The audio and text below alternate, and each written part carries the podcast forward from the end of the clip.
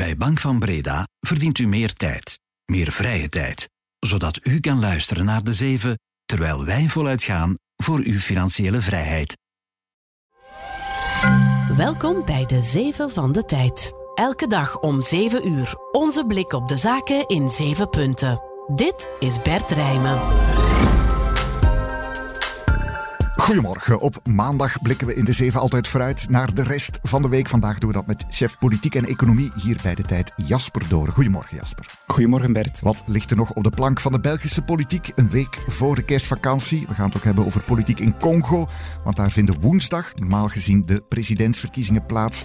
En we krijgen deze week ook wat economische vertrouwensindexen. Consumenten- en ondernemersvertrouwen uit Duitsland onder meer.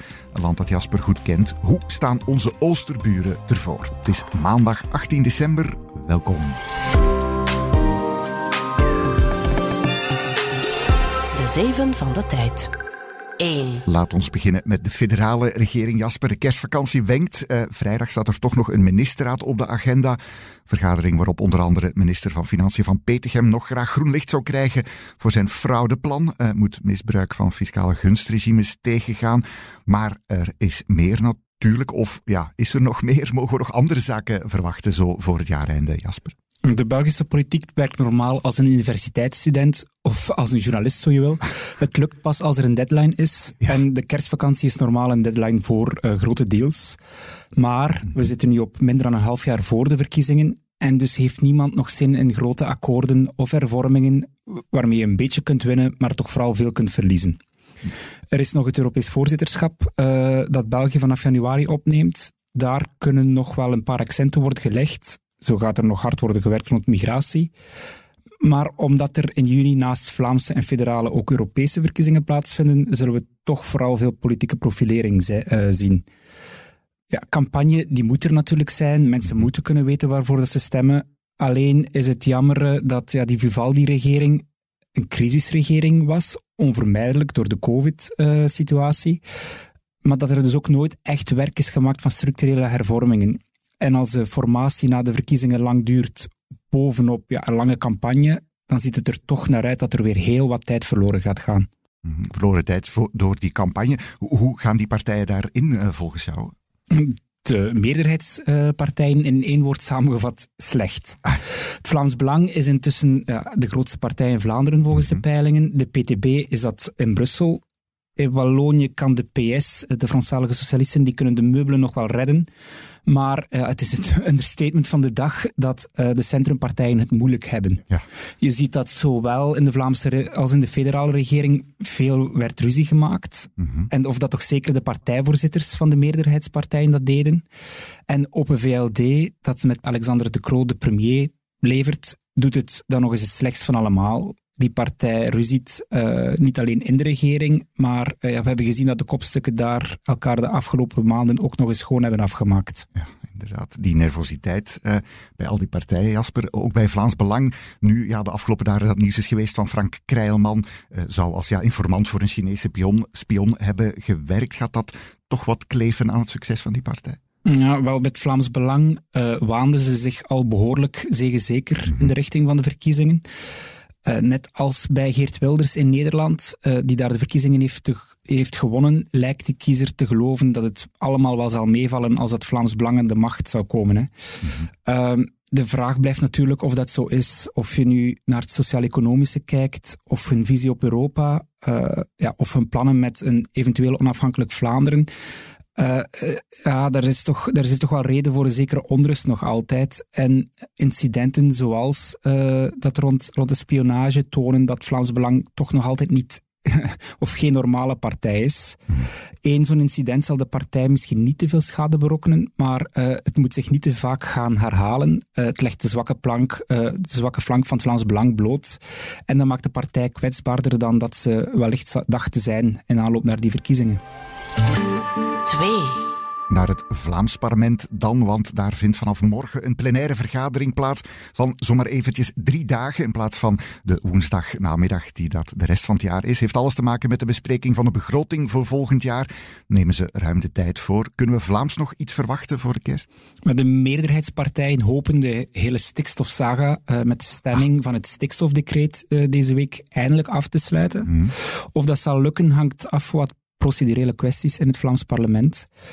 Dat stikstofdecreet eh, moet een stabieler kader geven, eh, zodat bedrijven en landbouwers in de buurt van stikstofgevoelig natuurgebied eh, weer gemakkelijk een of gemakkelijker een vergunning kunnen krijgen. Het moet er ook voor zorgen dat de etaankraker van Ineos in de Antwerpse haven uh, weer vergund kan geraken.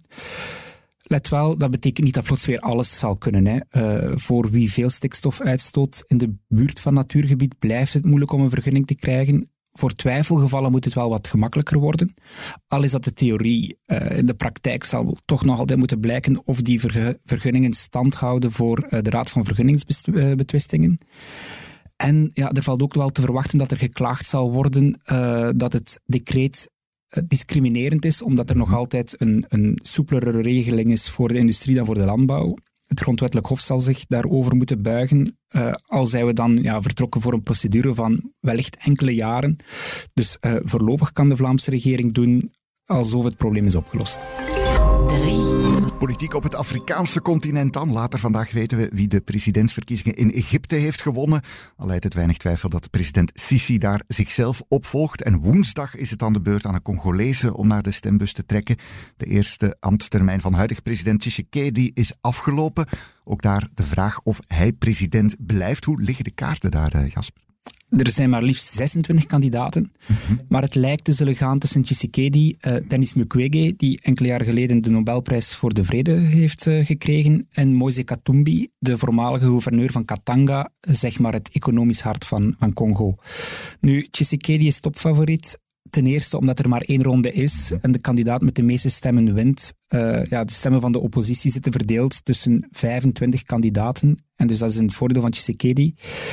Ja, en ten tweede uh, gaat hij wellicht winnen omdat niemand gelooft dat de verkiezingen eerlijk zullen verlopen. Volgens de meeste waarnemers haalde Tshisekedi in 2018 niet de meeste stemmen. Mm -hmm. uh, hij gooide toen op een deal met de uitredende president Joseph Kabila, wiens uh, marionettenkandidaat zeer zwak scoorde. Hoe evalueer je dan die eerste termijn als president van Tshisekedi?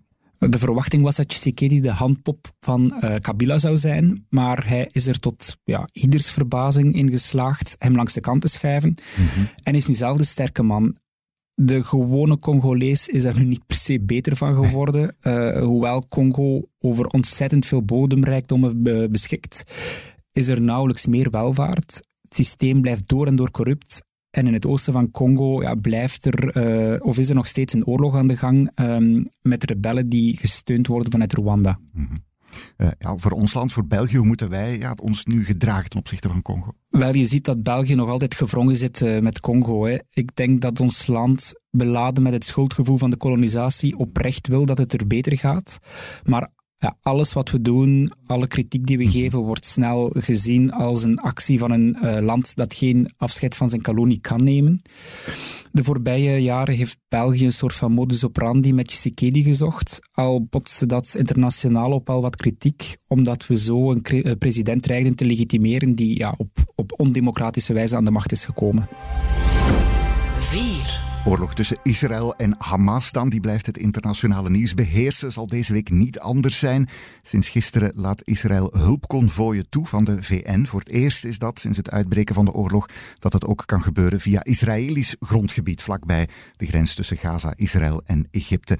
Maar ja, volgt na die levering van hulpgoederen ook een soort volgende stap en staakt het vuren rond kerstmis, einde van het jaar. Wat is jouw inschatting, Jasper? Je ziet dat die uh, roep voor een staakt het vuren steeds uh, luider klinkt. Ook de. Amerikaanse president Joe Biden, uh, Israëls belangrijkste bondgenoot, heeft het zo wat stilaan gehad met ja, Israëls optreden en dan vooral de vele Palestijnse burgerslachtoffers. Maar ja, het probleem met zo'n staakt het vuren blijft toch vooral wat er nadien moet gebeuren. Hè. Um, volgens Israël is Hamas nog onvoldoende verzwakt om nu al te kunnen stoppen met vechten. En bovendien wil het die Gazastrook mensen een tijd lang zelf gaan besturen om, om controle te kunnen houden. Nu, voor de Palestijnen en de internationale gemeenschap de Amerikanen in kluis, is dat onmogelijk. En dus de vraag is, wat moet er dan wel gebeuren? Uh, moeten de Verenigde Naties overnemen, de, de Arabische Liga? Wie gaat die heropbouw betalen? En ja, de grote olifant in de Kamer, hoe moet het op lange termijn verder met de Palestijnen? Zeker nu we kunnen vaststellen dat die Israëlische politiek ook op de westelijke Jordaanover steeds radicaler wordt. Um, ja, dus zo'n staakt het vuren klinkt evident, maar dat is het alles behalve. Vijf. Voor bedrijfsresultaten kijken we deze week in de richting van de VS vooral. Zo presenteert consultancybedrijf Accenture morgen zijn resultaten van het vierde kwart. Courier FedEx komt dan met resultaten van het tweede kwartaal van het gebroken boekjaar daar. En de producent van sportartikelen, Nike, die doet dat donderdag ook voor het tweede kwartaal. Naar welke ben jij benieuwd, Jasper? Ja, toch Nike. Uh, na de pandemie was de verwachting dat we allemaal ons leven gingen beteren. Ja. We zouden nooit nog snotterend naar het werk gaan. Volgens sommigen zouden we nooit nog handen gaan geven. en we zouden ook allemaal massaal aan het sporten slaan. Daar is natuurlijk allemaal niet te veel van in huis gekomen. Maar Nike heeft dat wel anders ingeschat en zit nu bijvoorbeeld met veel te veel loopschoenen. Um, dat en de terugvallende vraag in China, uh, het gaat er economisch toch nog altijd lastig, ja, doet vrezen voor teleurstellende resultaten.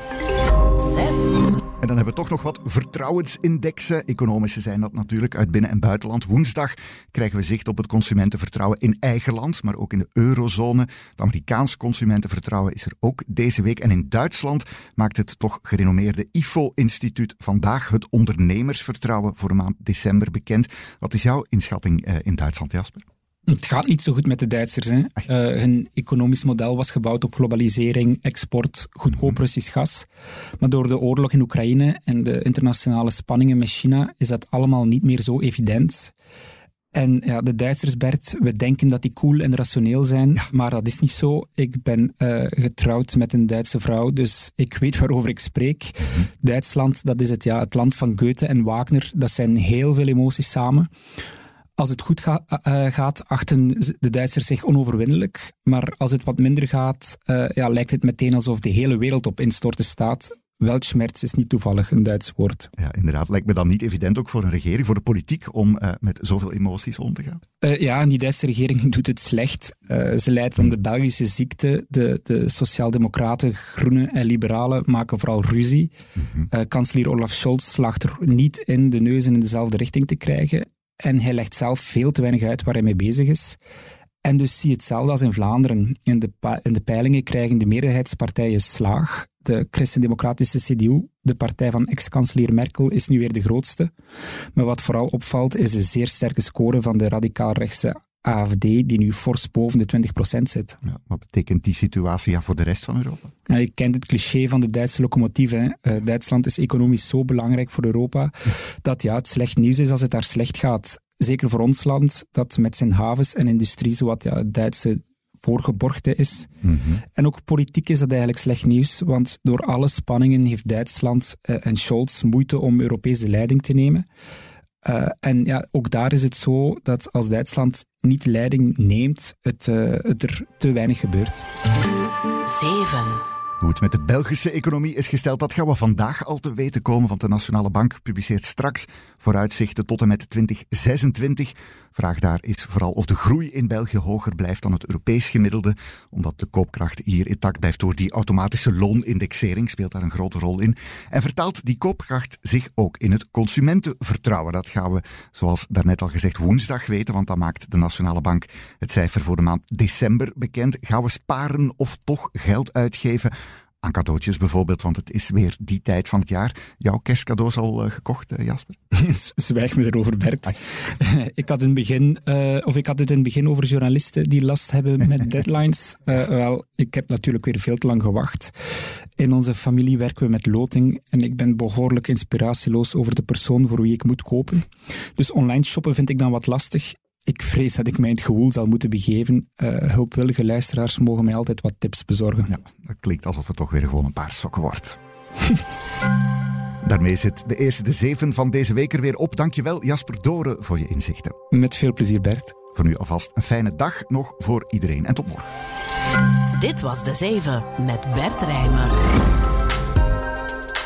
Productie door Joris van der Poorten van op de redactie van De Tijd.